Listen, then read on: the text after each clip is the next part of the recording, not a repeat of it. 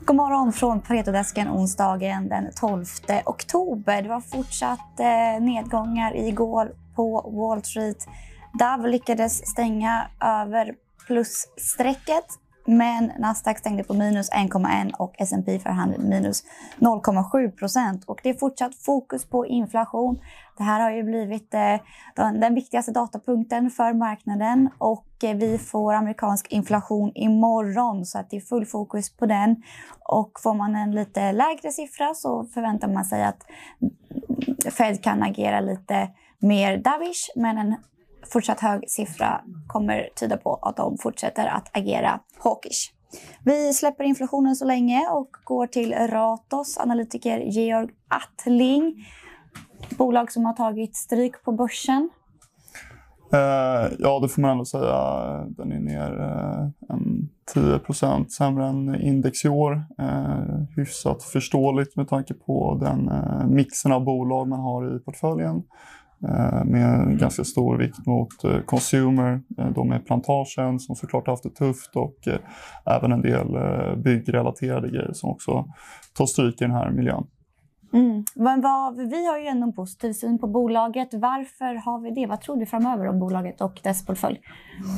Eh, om vi börjar med consumer-delen där vi liksom, eh, ändå inte är superpositiva eh, med tanke på vad vi ser på, på efterfrågan hos konsument eh, så tror vi att den kan få det fortsatt eh, tufft. Men vi har tagit eh, relativt bra höjd för det känner vi. så eh, borde inte vara särskilt mycket sämre än vad vi tror. Eh, och sen på, om man går vidare till andra affärsområden, construction services. Som är den största i portföljen? Precis, den är den största sett till, eh, sett till både försäljning och eh, ja, förväntade rörelseresultat.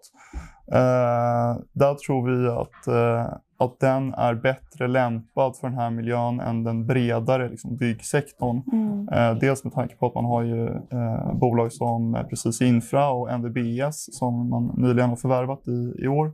Eh, och det är bolag som är riktade mycket mot eh, infrastrukturprojekt av olika slag som, som inte är lika konjunkturkänsliga som kanske den bredare eh, construction services-marknaden. Eh, sen eh, det största bolaget är i, i norska Hent byggbolag. Eh, och eh, det är svårt att säga hur den efterfrågan kommer, kommer att eh, utveckla sig men de har 75 av, av orderboken mot, mot offentlig sektor. Eh, och eh, de visade upp ett väldigt starkt Q2 här egentligen, hela, den här, hela det här affärsområdet. Och vi tror att det kommer att hålla i sig nu eh, resten, av, resten av året. Men är väl lite försiktigare mot utsikterna 23 och 24. Mm. Eh, och sen i industriområdet så har vi sett eh, ett flertal förvärv i, av eh, olika teknikkonsulter. Vi såg United här för ett par månader sedan och nu bud på, på Semcon som vi tycker är bra, bra additioner då till, till den portföljen man, man besitter.